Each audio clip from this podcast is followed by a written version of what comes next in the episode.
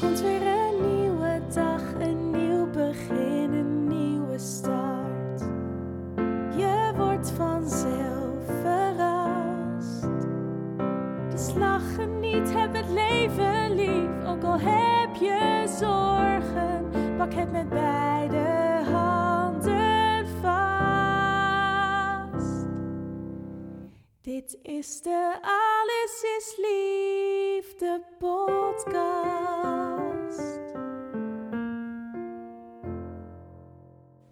Hi lieve mensen, superleuk dat je luistert naar mijn podcast. Mijn naam is Rianne Roes, liefdesdeskundige, gedragswetenschappen en auteur van het boek Raak elkaar niet kwijt. Wil je meer over mij weten? Ga dan naar mijn website www.samenalleen.com. In deze podcast neem ik je mee in mijn proces om het leven te creëren zoals het voor mij bedoeld is. Ik wens je heel veel inspiratie en luisterplezier. Welkom en wat leuk dat je luistert naar weer een nieuwe aflevering van de podcast Alles is Liefde. In deze aflevering neem ik je mee in mijn televisieavontuur. Ehm, ja, waar ga ik eens beginnen? Ik, eh, het wordt een podcast waarin ik je meeneem in mijn overwegingen om deel te nemen aan een bepaald programma. Eh, en vervolgens ook naar eh, hoe, die, ja, hoe die aanloop naar dat werkelijke programma en de uitzending gegaan is. En hoe ik ook voor mijn gevoel toch een beetje in de val ben gelokt van ehm, ja, iets waarin, waarin ik al een bang vermoeden had dat de media die je ziet en hoort nooit helemaal de zuivere en eerlijke en ware verhalen in zich dragen van de mensen die de bijdrage leveren aan bepaalde programma's. Ehm, voor mij een ervaringrijke en een illusiearme. Ik heb uh, geen spijt dat ik heb meegedaan. Maar ik heb wel, um, ja, ik heb wel voldoende reuring gevoeld en voldoende boosheid misschien wel. Waardoor ik toch de urgentie en de noodzaak en de behoefte voel om deze podcast op te nemen. Ik ga je meenemen in mijn verhaal. En uh, ik denk dat het ergens begin, nee, eind oktober misschien, was. Dat ik gebeld werd, benaderd werd door iemand van uh, de televisie, van NPO 2. En ze waren bezig met het maken van een programma over lentekriebels. En zoals sommigen van jullie weten, misschien degene die echt trouw mijn podcast volgen, weet ik dat ik daar ooit eens een podcastaflevering over heb opgenomen. En nu was het dus zo dat dit, uh, nou, dat dit programma, het is van Human uh, Media Logica, uh, dat dit programma een, ja, een soort van reflectie-uitzending wilde maken over wat is hier nu eigenlijk gebeurd. En nou, ik heb al eerder nee gezegd tegen een tv-programma van Nadia. Dat is een talkshow en daarvan voelde ik al heel sterk. In zo'n talkshow worden eigenlijk hele extreme perspectieven naast elkaar gezet. Zodat je nou, een beetje Jerry Springer-achtige motieven hebt om mensen uit te nodigen. Zodat er, ja, zodat er wat leuks is om naar te kijken. Want wij mensen houden blijkbaar toch van een beetje reuring en spanning. En extreme perspectieven die je dan met elkaar kan ja, laten, dat eigenlijk publiekelijk kan laten uitvechten, waarin ook een stukje nuance ontbreekt. En het zou live zijn en ik had daar gewoon niet zo'n goed gevoel bij. Ondanks dat ik het programma niet per se heel slecht vind hoor. Maar um, nou, daar heb ik destijds nee tegen gezegd. En toen werd ik benaderd door deze mevrouw om mee te werken aan dit programma uh, rondom lentkriebels. En nou, het is een onderwerp waar ik ook wel, uh, waarin ik ook voel, ik, heb daar, ik voel daar veel bij. En ik werd echt gevraagd om mijn expertise als gedragswetenschapper, als relatietherapeut, als systeemtherapeut. En natuurlijk ook vanwege het feit dat ik me uit had gesproken over nou ja, hoe ik keek tegen dat hele politieke geweld rondom lentekriebels. En ook dat ik daar inhoudelijk wel wat van vond. Um, in het gesprek, voorgesprek wat ik met deze mevrouw had, hadden we echt een super fijne klik. Ik voelde me heel op mijn gemak gesteld. En ik heb echt aangegeven, ik wil niet dat woorden die ik zeg uit context gehaald worden om er toch een soort van extreem standpunt van te maken. Want wat ik juist heel erg merk is dat ik in die periode heel veel drijfzand heb gevoeld, omdat de media, de reguliere media en de social media en de alternatieve media allemaal zulke ja, extreme, maar uit elkaar liggende standpunten hadden. Dat ik gewoon niet goed meer wist wat ik, wat ik waarheid vond. En dat had ik bijvoorbeeld ook in coronatijd. Dat de berichten vanuit de NOS en de persconferenties en weet ik veel wat allemaal. Ik had daar vraagtekens bij. Omdat ik dacht, dit kan gewoon niet het hele verhaal zijn. En ik, het klopt inderdaad wat in de uitzending afgelopen week uh, ook over lentkriebels uh, naar voren kwam. Dat ik ook mezelf de vraag stel van ja, maar dit, dit is niet het hele verhaal. Ik ga op zoek naar mensen met wie ik ja, toch wel dat stukje her- en erkenning voel. En um, nou ja, dat heb ik rondom corona gedaan, ook rondom lentkriebels. En ik merk dat ik dan een complete beeld krijg van hoe ja, hoe ik denk dat het in elkaar zit. Nee, eigenlijk niet. Hoe, denk ik, heel veel verschillende perspectieven naast elkaar bestaan. En dat ik in die zoektocht van wat is nu waar voor mij of wat is waarheid, dat ik in die zoektocht ook echt wel heel erg terug ben geworpen op mezelf, omdat ik merkte dat ja, als je je vasthoudt aan wat externe media, aan, aan verhalen in je stoppen, dan raak je eigenlijk ook een beetje het innerlijke kompas kwijt volg je de reguliere media, dan denk ik dat je ja, een aantal blinde vlekken niet opmerkt. Volg je de alternatieve media of de, de, de, ja, de mensen die echt aan de noodbel trekken. Um, ja, dan heb je het risico dat je heel geen angst en boosheid en onmacht verzandt.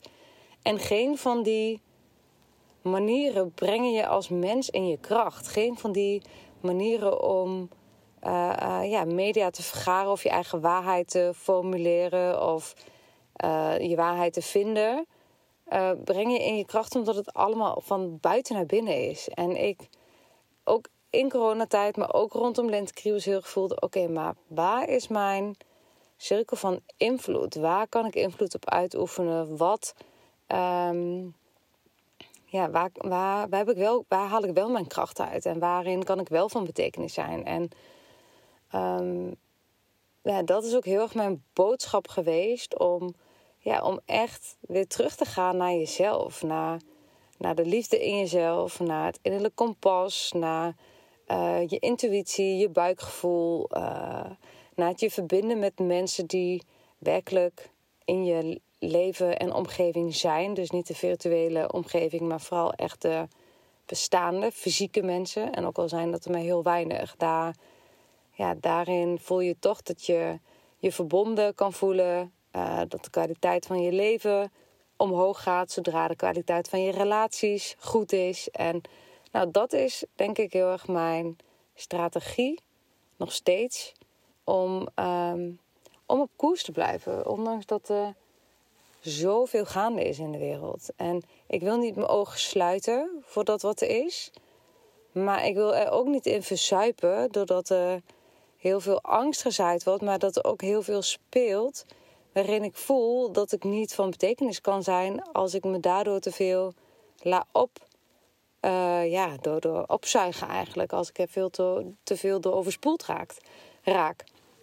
Nou ja, dat is ook heel erg in het interview, in het voorgesprek met uh, deze mevrouw van NPO 2, uh, eh, mijn, mijn, ja, mijn visie geweest. En um, nou ja, en toen was het werkelijke interview. Dus dat was een telefonisch contact waarin ik ook tegen haar zei... ik wil echt nog een paar dagen nadenken om, nou om ook uh, af te wegen... of ik mee wil werken aan dit programma. En zij gaf zelf ook aan, ja, we spreken met meerdere mensen... en we zijn echt wel op zoek naar iemand met een bepaalde visie. En uh, jouw visie spreekt me heel erg aan. Ook de visie die ik hoorde in je podcast, juist omdat jij de vertwijfeling wat meer uh, aan bod laat komen. Hè? Meer het midden bent en niet zozeer degene bent die aan de ene kant of de andere kant van het spectrum staat. Hè? Je bent niet iemand die eigenlijk alle waarheden die vanuit de NOS of andere reguliere berichtgevingen um, op je afgevuurd worden. Je bent niet iemand die dat per se gelooft.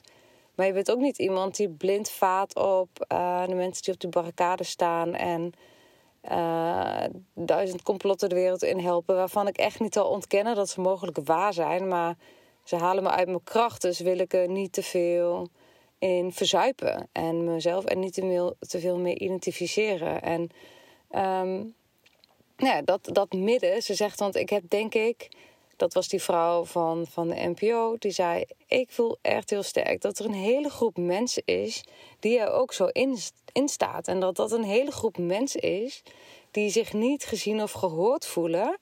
Ehm, doordat, ja, doordat dit perspectief, doordat dit, uh, deze visie, doordat deze mening eigenlijk vrijwel nergens een klankbord krijgt. En dat klankbord wil ik jou wel geven. Nou, dus allerlei zorgen uitgesproken en uh, een paar dagen bedenktijd gehad, zowel zij als ik. En na het weekend weer even contact gehad en allebei zeiden we ja, volgens mij moeten we deze samenwerking doen. En um, dus eigenlijk al heel snel, volgens mij een week of twee later. Dat was dan ook leuk hoor, want ze wilden uh, tijd en ruimte maken voor mijn podcast. Um, daar zou ook echt wel. Uh, ze zouden op locatie komen shooten. Er zou een interview zijn op locatie, die eigenlijk nagenoeg hetzelfde zou zijn qua inhoud als het interviewgesprek wat ik met haar had via de telefoon.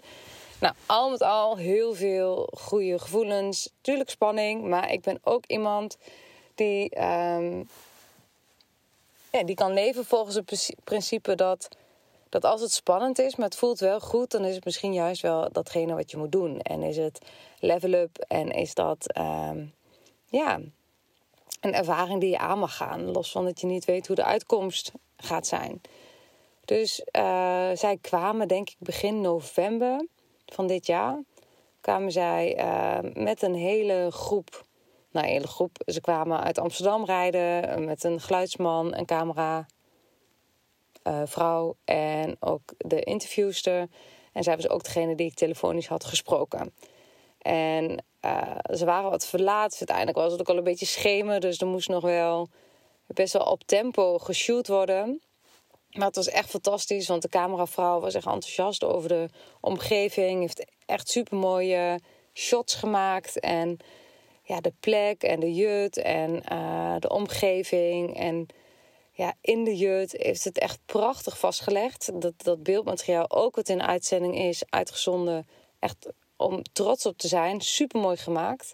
Dus um, ja, het was echt mega professioneel. En uh, met, met lampen en ik kreeg een microfoontje. En ik moest. Um, ja, er werd, er werd, gewoon ook veel of in scène gezet wat positief was hoor. Van oh, loop nu naar de tafel om je microfoon neer te zetten. En doe alsof je uh, je podcast aan het opnemen bent. Terwijl als ik nu mijn podcast opneem, ik zit gewoon in de auto op mijn parkeerplaats. En um, dit is nu even de rustigste plek om te zitten. En ik spreek gewoon in in mijn dictafoon. En vervolgens, ja, dat ziet er natuurlijk niet echt uit op beeld. Dus dat heb ik op oude microfoon. Toen ik nog interviews deed, heb ik erbij gepakt. En ik heb uh, mijn laptop aangedaan. Terwijl het eigenlijk normaal niet de setting is hoe ik een podcast opneem. Maar dat vond ik allemaal nog prima, weet je. je wil ook, het oog wil ook wat. En je wil het niet zo nonchalant eruit hebben laten zien als dat het soms werkelijk ook gaat. En misschien dat het wel gemoeten. Had ze me in de auto moeten, uh, um, moeten filmen zoals ik er nu uitzie. Met uh, mijn haar niet eens gekamd en uh, een dikke winterjas aan en make-uploos. met een koude hand van mijn telefoon vasthouden, podcast opnemend. Eigenlijk zou dat nog meer moeten, maar ik begrijp ook, en dat begreep, begreep ik toen, dat begrijp ik nu nog steeds, dat je op televisie moet het ook, als ik zelf televisie kijk, wil ik ook gewoon dat het wel een beetje mooi en strak en, of ja, gelikt hoeft nog niet eens, maar um, ja, het mag wel een beetje shiny, anders is het geen televisie. Er mag gewoon net zo'n filtertje van, um, ja, van iets extra's overheen of zo. Ik heb die dag bijvoorbeeld wel een mooie jurk aangetrokken. Ik heb wel mijn haar gedaan, wel make-up op gedaan, wel nagedacht over mijn oorbellen, wel nagedacht over nou, hoe ik over zou komen. En dan wel geprobeerd daarin de beste versie van mezelf te zijn. En um, ja, en daar heb ik dan denk ik toch geen oordeel over. Waar ik wel een oordeel over heb, is dat we hebben een gesprek gehad van meer dan een uur in het interview. En um, we zagen veel aan. We hebben echt verschillende mensen gesproken. Um, we hebben uh, verschillende perspectieven die we aan bod willen laten komen. En eigenlijk allemaal even geloofwaardig. We zijn onderzoeksjournalistiek, dus we willen niet meegaan in, in de polarisatie van de ene kant wappies en de andere kant mensen die, ja, die, die, die ja, regulier en gewoon wel normaal zijn en die niet een gevaar zijn voor de samenleving. We willen echt verschillende perspectieven van die mensen aan bod laten komen. En in het interview, gelukkig zat uh, Wouter, mijn, vriend, partner, compagnon, zat bij het interview. Had ik ook gevraagd. Uh, hij wilde dat ook heel graag, gelukkig. Sowieso is hij in al zijn dingen altijd helemaal mijn steun en toeverlaat. Dus het was heel fijn om hem ook aan mijn zij te hebben. We hadden ook afgesproken, zodra ik dingen zeg waarvan hij weet dat ik het zo niet bedoel of dat dingen er niet kloppen, dan, ja, dan is hij er gewoon bij om, om het te horen en eventueel ook te zeggen van oké, weet je, we willen uh, dit anders geformuleerd hebben. Dat is ook steeds wat die mevrouw van de NPO zei. Zodra je dingen zegt waarvan je voelt het is niet oké, dan um, kunnen we daar uh, gewoon een stop op zetten en dan wordt dat sowieso niet uitgezonden. Um, dus dat was voor mijn gevoel echt wel een vangnet wat ik nodig had om me zeker genoeg te voelen om uh, vrijheid te spreken. Dat is onder andere ook een reden waarvan ik achteraf me afvraag of het niet een verkeerde reden was. Maar dat er nog eventueel in geknipt kon worden, was voor mij een reden om ook ja te zeggen. Dat voelde meer zeker dan dat, bijvoorbeeld de talkshow bij Nadia. En nu denk ik, oh nee, achteraf was het, is, zie ik dat toch anders. Als iets live wordt uitgezonden, los van dat je toch eh, waarschijnlijk voor het blok gezet wordt met mensen die uh, een totaal andere visie hebben dan jij. Wat ik daar, even een klein zijstraatje, waar ik daar dan weer moeite mee heb, is, op het moment dat je twee mensen met een uitgesproken heel verschillende visie tegenover elkaar zet, dan zet je die meningen heel erg over, tegenover elkaar. Dan, um, dan is het niet zo dat die mensen per se niet goed met elkaar zouden kunnen. Dus iets wat op inhoud misschien uit elkaar ligt, wat verward met hoe het op betrekkingsniveau zou moeten zijn. En daar wordt dan op een bepaalde manier gebruik van gemaakt. Want voor mij werkt dat niet zo. Ik kan prima met iemand een heel fijn gesprek hebben. En ik kan prima heel veel respect hebben voor iemand. Terwijl die een andere visie erop nahoudt. En ik vind het dan lastig dat in talkshow daar, talkshows vaak daar heel erg um, aan voorbij gegaan wordt. En er veel meer gericht is op sensatiejournalistiek. In plaats van dat er echt uh, naar verbinding gezocht wordt. Om te kijken van hé, hey, waar raken onze visies elkaar? En als je echt iets afpelt, en dat heb ik bijvoorbeeld gemerkt in twee stromingen binnen de systeemtherapie, die um, echt elkaar een beetje zaten te modder te gooien. Terwijl ik me in beide ben gaan verdiepen. En als je in de kern komt, kom je gewoon precies op hetzelfde uit. En datzelfde geldt voor bijna alles in de mensheid. Als je het echt afpelt, als je de overlevingsdelen afpelt, als je de traumadelen afpelt en je komt gewoon in ieders gezonde deel, kan alles en iedereen naast elkaar bestaan. Dat is ook een zin die me altijd zo bijblijft. En dat is iemand die in vrede leeft met zichzelf, er zal nooit een oorlog beginnen. Dus het gaat heel erg over dat stuk, als je het mij vraagt. In vrede leven met jezelf. En in talkshows, om even in het zijstraatje te blijven, worden die, uh, wat, dat, wat dat gezonde deel eigenlijk helemaal niet echt uh, aangeraakt. Het wordt veel meer uh, getriggerd juist in het traumadeel of overlevingsdeel, waardoor je wel mooie televisie krijgt, maar uiteindelijk volgens mij de essentie mist, of waardoor je uiteindelijk volgens mij het, het uh, het verbindende en het constructieve mist.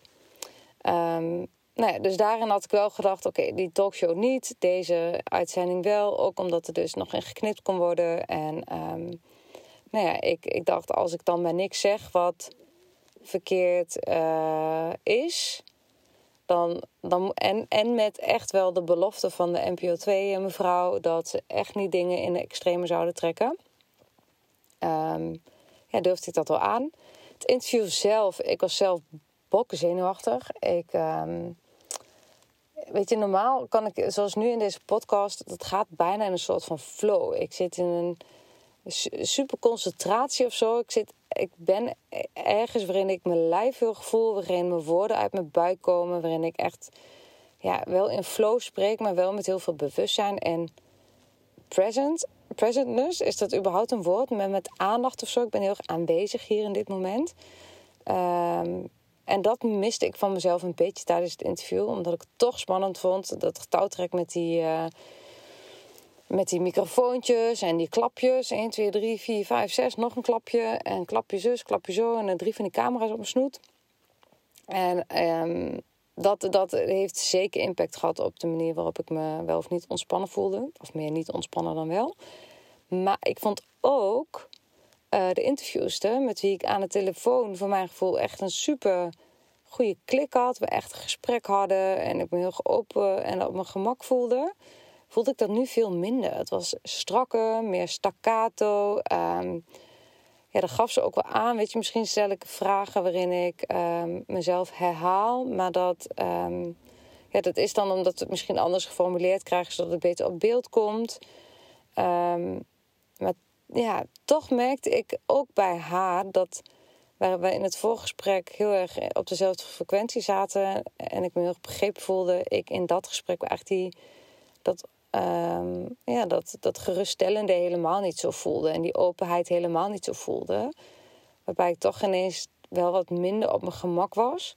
En wederom, ik weet dus niet uh, of dat te maken had dat zij misschien ook zenuwachtig was. Ik was zeker zenuwachtig. Um, het was nu echt wat echt. En via een telefoongesprek is het gewoon meer ontspannen.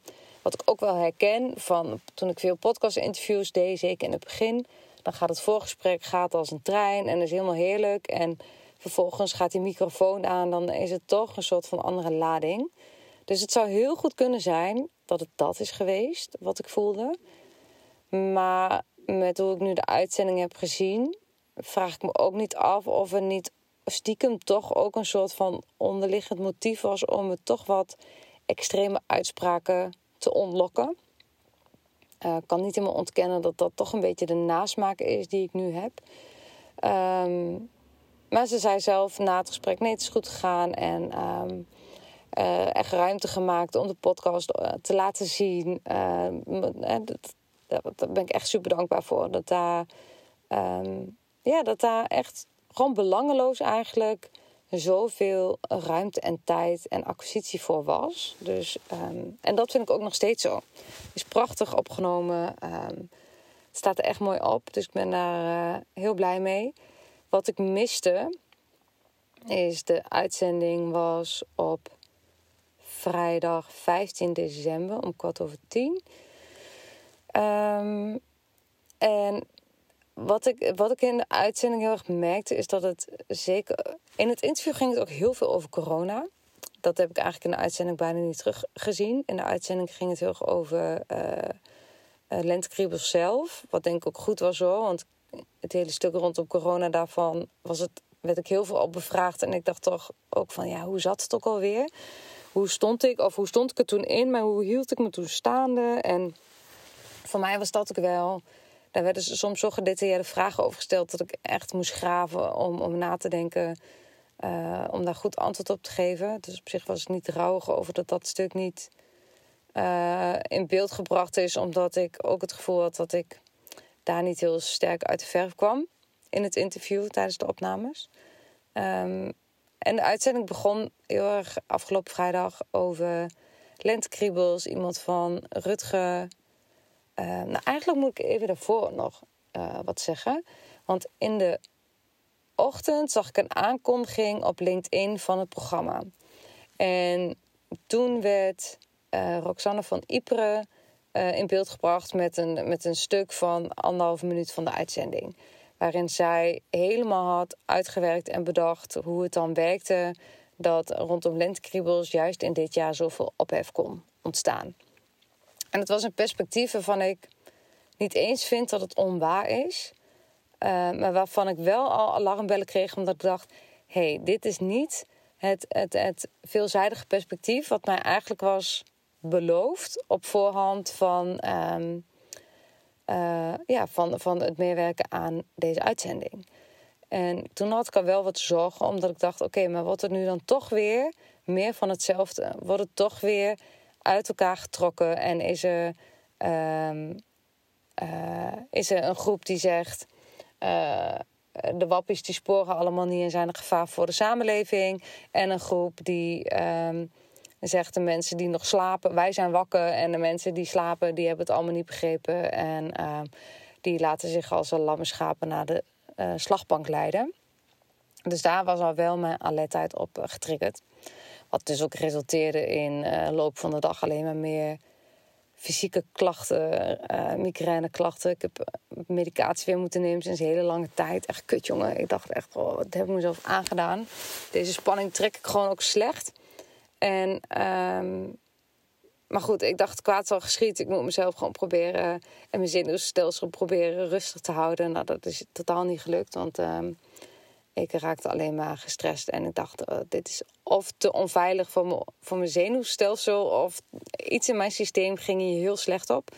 En misschien ook wel het gevoel dat, ja, dat ik dus een uur lang heb gesproken... en dingen over hele precaire, vragen over hele precaire onderwerpen heb beantwoord. En dat ik tegen iemand eigenlijk heb gezegd: hier heb je een uur, anderhalf uur aan woorden van mij. En doe ermee wat je wil. Maar daarmee legde ik voor mijn gevoel ook echt al mijn integriteit en veiligheid en toch ook controle, zekerheid in het lot van een televisieprogramma. Nu denk ik, ja, dit was echt wel een bridge too far. Ik eh, ga anderhalf jaar al naar autonomie en ik leer juist heel erg om op de signalen van mijn lijf te reageren en die serieus te nemen. En uh, onveiligheid is voor mij een hele grote trigger, ook als de onveiligheid zelf maar heel klein is. Dus uh, ik merkte aan alles dat mijn zenuwstelsel echt helemaal van de wap aan het raken was. Maar ik wilde ook per se wel de aflevering kijken, omdat ik dacht: ik moet gewoon zien wat er uitgezonden wordt of is. En ik moet gewoon zien um, ja, wat anderen ook gaan zien en welke reacties ik mogelijk ga krijgen. En nu lijkt het echt alsof het mega dramatisch ben, uh, is geweest. Dat valt denk ik mee. Uh, maar ik ben ook zeker niet neergezet op een manier zoals ik mezelf erin kan vinden. En daar heb ik last van, omdat het toch weer een uh, vervormd beeld van de werkelijkheid is. Het is toch weer uh, hetzelfde verhaal als al jaren. Zoals altijd op televisie. En um, er zijn dingen uit verband getrokken. Er werd gezegd in de intro, um, ja, door de lentekriebels of corona of zo is Rianne geen nieuws meer gaan, gaan kijken. En toen dacht ik, nee, maar dat deed ik al heel lang niet meer. Om heel veel verschillende redenen. En dat had helemaal niet de aanleiding uh, dit. Het was alleen dat in de tijd van corona je onmogelijk door, uh, zonder de berichtgevingen door het leven kon gaan. Want je werd ermee doodgegooid. En werd je er niet meer doodgegooid in, in je, via je telefoon of op welke mogelijke manier dan ook, dan was het wel doordat het in je omgeving een trending topic was en je niet een straat kon oplopen zonder met iemand in gesprek over de media te belanden. Maar ik heb ook gezegd dat ik toen op zoek ging naar mensen bij wie ik me wel gehoord en gezien voelde. En dat het eventjes de mensen op social media waren, zoals um, Kim Veenstra die van zich liet horen. Of zoals Tisha Boy Che. Zeker vanwege het feit dat hij gewoon super scherpzinnige dingen weet neer te zetten. Maar ik ben het ook niet altijd met hem eens. Dus um, dat wat ook in geresulteerd heeft dat ik op social media gewoon helemaal niemand meer volg. En um, die algoritmes die bepalen hoe en wat jij te zien krijgt. En uh, dat is niet alleen rondom COVID en lentekriebels. En dat is ook rondom de oorlog die nu gaande is. Het is rondom alles. Dus dat we daarin um, voor mijn gevoel een soort van gefilterde informatie krijgen. Wat, ja, wat, waar, waarvan bepaalde mensen willen dat je die vooral eenduidige en eenzijdige informatie ontvangt. Daar uh, invloed op hebben, ja, dat lijkt me duidelijk. Maar ik hoopte juist dat dit programma van de NPO uh, dat geluid ook zou laten horen. Dat heel veel mensen, zelfs mijn eigen ouders, die super ja, hoe ga ik dat zeggen? Het voelt meteen spannend, hè? Haal ik mijn ouders erbij. Maar wat ik mee wil zeggen is dat zij in coronatijd ook gewoon heel erg het nieuws volgden. En, um, maar ook gaandeweg zijn gaan voelen van... ja, maar wat klopt hier nou eigenlijk wel en wat klopt hier niet? En dat geluid hoor ik gewoon bij heel veel mensen meer. En dat geluid was mij beloofd um, dat ik daar een soort van klankbord voor mocht zijn. Maar wat hebben ze gedaan in de uitzending... Ik heb, in mijn, uh, ik heb het bestand van mijn podcast uh, toegestuurd naar hen. Waar ze de stukken uit uh, mochten gebruiken. En daar heb ik in die podcast heb ik echt wel in bepaalde stukken heel mooi kunnen verwoorden. Hoe mijn vertwijfeling werkt en hoe ik me daar in staande hou. Dus naïef als ik ben, heb ik met, met liefde die podcast toegestuurd. En weet je, ergens heb ik in die podcast iets genoemd over dat ik, dat ik het niet ondenkbaar vind dat ik niet wil doen alsof het niet zou kunnen bestaan dat de kinderen in bepaalde kringen misbruikt zouden worden. Iedereen die denkt, waar gaat het over? Verdiep je even in lentekriebels en de hele heisa die daarover ontstaan is. Um, maar dat heeft niet zozeer met complottheorieën te maken. Dat heeft vooral ook mee te maken omdat ik gewoon letterlijk gezien heb in mijn werk. Ik heb letterlijk um, in de jeugdhulpverlening en ook op een, um, bij Harveld gewerkt op de, op de 1%. Uh, eh, ja, eh, daar waar eigenlijk de, jongeren zitten die echt tot de, tot de 1% meest delinquente criminele jongeren. En ik haat eigenlijk het woord omdat het zijn allemaal gewoon hele beschadigde kinderen. Um, dat ik daar heb gewerkt en wat ik heb gezien daar, maakt dat ik, dat ik ook geloof dat er gewoon dingen gebeuren in, met onze kinderen, met kinderen, met mensen überhaupt in het algemeen, die echt, echt het daglicht niet kunnen verdragen. En dat noem ik ergens ook in mijn podcast. En net dat stukje is vervolgens uitgeknipt uit de podcast van weet ik veel, veel uh, zal wel meer dan een half uur zijn, meestal uh, lul ik zo'n uh, half uur weg. Net dat stukje uit de hele podcast is opgenomen. Net na het en het is, of is eruit geknipt. En vervolgens is het dus net na een fragment uitgezonden waar uh, mensen de straat op gingen om andere mensen te waarschuwen, gezin in gevaar en een soort van, ja, ik weet niet wat kut. Alsof ze toch weer ergens, ga ik ook een oordeel vellen, maar toch ergens ook wel de, de meest extreme wappies. Om in de term van wappies wakker, weet ik veel. Ik weet ook begot niet meer hoe ik al die mensen moet typeren, omdat ik denk, ja, in de basis zijn we allemaal aan het worstelen en proberen we handen en voeten aan het leven te geven. Dus zo ook deze groep mensen. Maar vlak nadat dat is uitgezonden in de aflevering, werd mijn stukje uit het fragment van de podcast geplakt, uitgezonden. Waardoor het leek alsof ik uh, me identificeerde met die groep.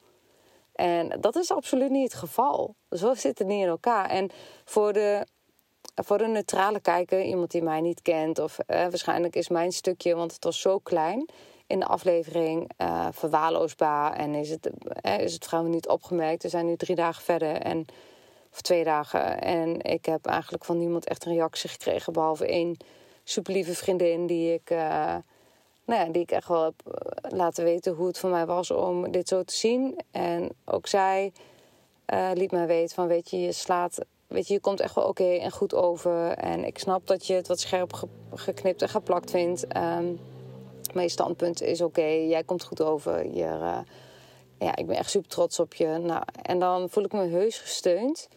Maar dit was gewoon niet wat we hadden afgesproken. En daar word ik wel gewoon een beetje lijp van in mijn kop. Omdat ik denk, weer, weet je, het is weer een uiteenzetting van extreme. Het heeft niks van wat er in de uitzending over mijn bijdrage is uitgezonden.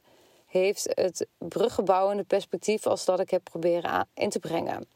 En er zijn twee korte stukjes van mij genoemd. En dat is dat stukje uit de, uit de podcast. En, um, en de manier waarop ik aangekondigd werd. He, oh, de, uh, Rian Roes die kon zich niet meer uh, verenigen met, met bla bla bla en zit nu in de jut. En in de basis is het allemaal niet eens per se onwaar. En ja, ik heb alles letterlijk gezegd. Ze hebben me geen, uh, ze hebben geen woorden aan elkaar geplakt die ik niet achter elkaar heb gezegd. Dus zo is het absoluut niet gegaan. Ehm, maar de essentie van wat mijn boodschap was, is ook compleet van tafel geveegd. En ja, dat vind ik gewoon niet oké. Ehm, ja, want in het andere stuk is dat, dat ik uh, een vraagstuk opperde van... ik wil niet naïef zijn door te doen alsof dit niet bestaat. Maar ik wil ook niet... Uh, ja, wat, wat, in ieder geval een bepaalde zin waarin ik dus ook wel het woord pijpen in de mond nam. En um, ja, wat best wel krachtig. Eh, ik gebruikte best wel, um, ja, of niet krachttermen, maar wel echt expliciete termen. Dat is het woord wat ik zoek. En dat vervolgens dat ik ook zei, ja, maar hoe werkt dit dan? En dat, dat terwijl ik dat, die vraag had op uitsprak, kwam dan uh, Roxanne van Ypres weer met een reactie. Alsof haar reactie het antwoord was op mijn vraag. En dan vind ik het toch weer inkleuren van? En waarom mag de vraag niet gewoon bestaan? Waarom moet er een antwoord komen van iemand met een visie?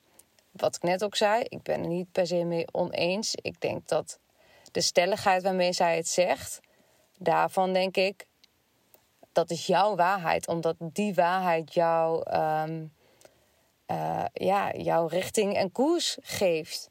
Maar het hoeft niet mijn waarheid te zijn. En ik had ook niet werkelijk een behoefte aan een antwoord op die vraag. Want hoewel zij. Ik heb ook haar boek, hè, dus het is echt niet zo dat ik iets tegen haar heb.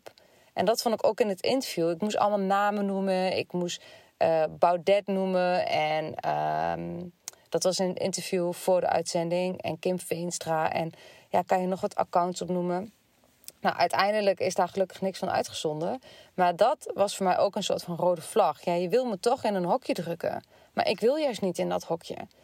En uh, dus dat Roxanne van Ypres haar... Uh, ja, maar een antwoord gaf op mijn vraagstuk. Daarvan dacht ik... Zo is het niet bedoeld. Het is bedoeld om een vraag op te werpen... zodat mensen zelf gaan nadenken zodat mensen zelf perspectief gaan vormen. En niet, oh, uh, deze Rianne Roes met haar tent in de achterhoek heeft een vraag. Nou, Roxanne van Ypres die uh, heeft het antwoord. Dus mensen vragen opgelost. Zo zitten. Ik wil dat we vragen ook blijven stellen. Dat we zelf kritisch blijven nadenken. En het gedeelte waarin uh, Rutgers, Roxanne en Belle Babé... En ik heb ook het boek van Belle Babé al lang voor deze uitzending. Omdat ik vind, wat het werk wat ze doet is fantastisch. Ze kwam ook super goed over. Ik van haar.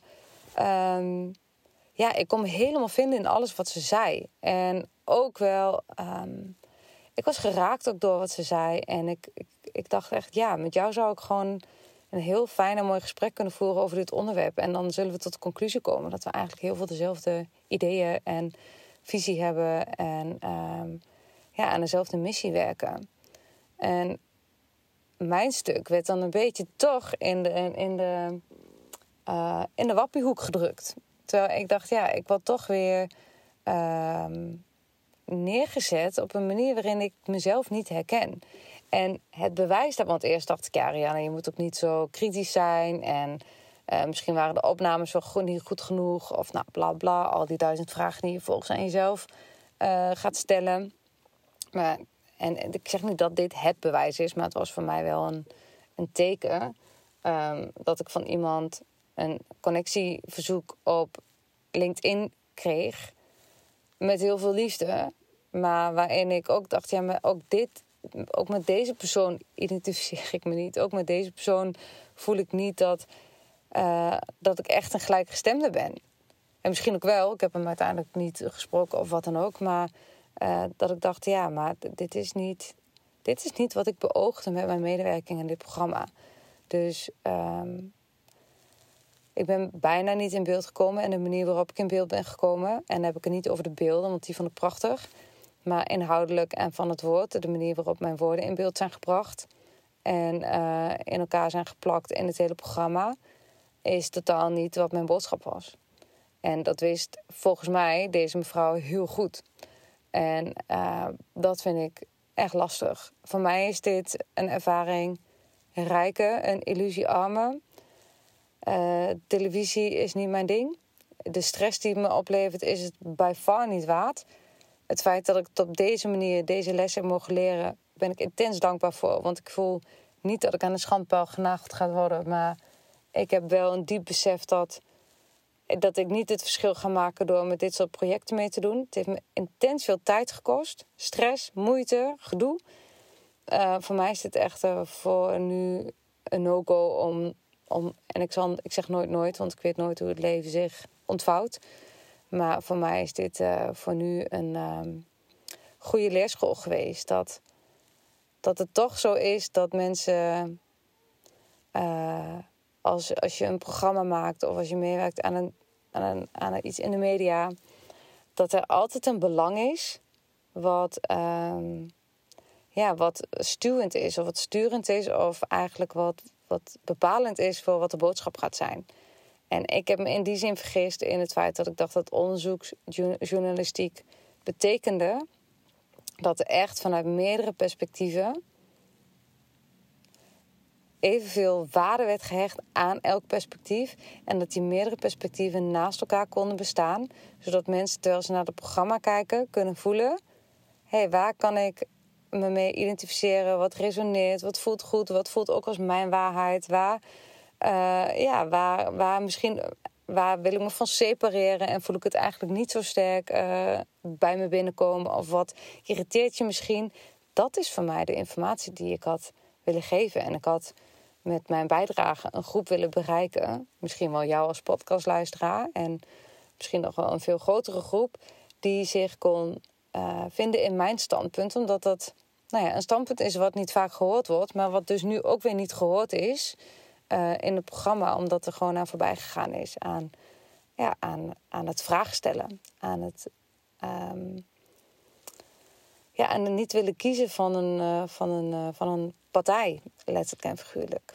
En um, ja, dat heb ik echt gemist. En ik ben nu blij dat het erop zit. Dat ik uh, niet meer stress hoef te hebben van hoe het nu uh, over zou komen. Ik ben niet tevreden over de inhoud en over hoe dat uh, voor mij heeft uitgepakt. Ik ben wel tevreden over de prachtige beelden en over de prachtige plek. En ik ben ook tevreden, misschien gek gezegd, maar hoe ik overkwam. Ehm, dat vond ik dan wel weer mooi. Dat, ja, dat ik niet, hoe moet ik dat zeggen? Uh, ja, dat voor dit stuk dat ik, dat ik wel mezelf herkende in um, hoe ik daar zat. Dus dat vond ik, vond ik mooi. Maar al met al was dit mijn televisieavontuur. Dus, en de grap is dat in de week dat ik ja had gezegd tegen dat interview, of dat het ook uit zou komen, heb ik een podcast geluisterd van Tim Douwsma, Univibes. Hoe toch een wappie. En hij vertelde ook dat dat in een interview met hemzelf of zo, ik weet het eigenlijk niet meer precies, maar dat hij ook zei um, dat, dat dit wat, wat ik nu vertel eigenlijk in deze podcast, dat het iets is wat hij ook heel erg herkende. Of herken, wat ik toen ik dat luisterde en toen had ik net het interview gehad of zou dat nog komen. En dat ik daar zo door, dat resoneerde zo, alsof het een soort van oplichtend lampje was waarvan ik dacht, oh, gaat dit over mij? Of is dit iets wat, um, ja, waar ik nog waakzamer op had moeten zijn. Uh, ben ik te naïef geweest om te geloven dat, nou ja, dat wat, wat je telefonisch mondeling afstemt, dat het uiteindelijk ook uh, werkelijk uh, de waarheid gaat worden. En voor mij voelt het wel alsof ik daar naïef in was. Maar um, ja, dat, um, ik zie het meer als een levensles. En een mooie, want het was ook een mooie ervaring en een die ik zeker nooit meer ga vergeten. Dus um, ja, ik hoop dat het je inspireert, dit uh, verhaal van mij. Als het dat doet, dan hoor ik het natuurlijk heel graag. En uh, tot de volgende podcast.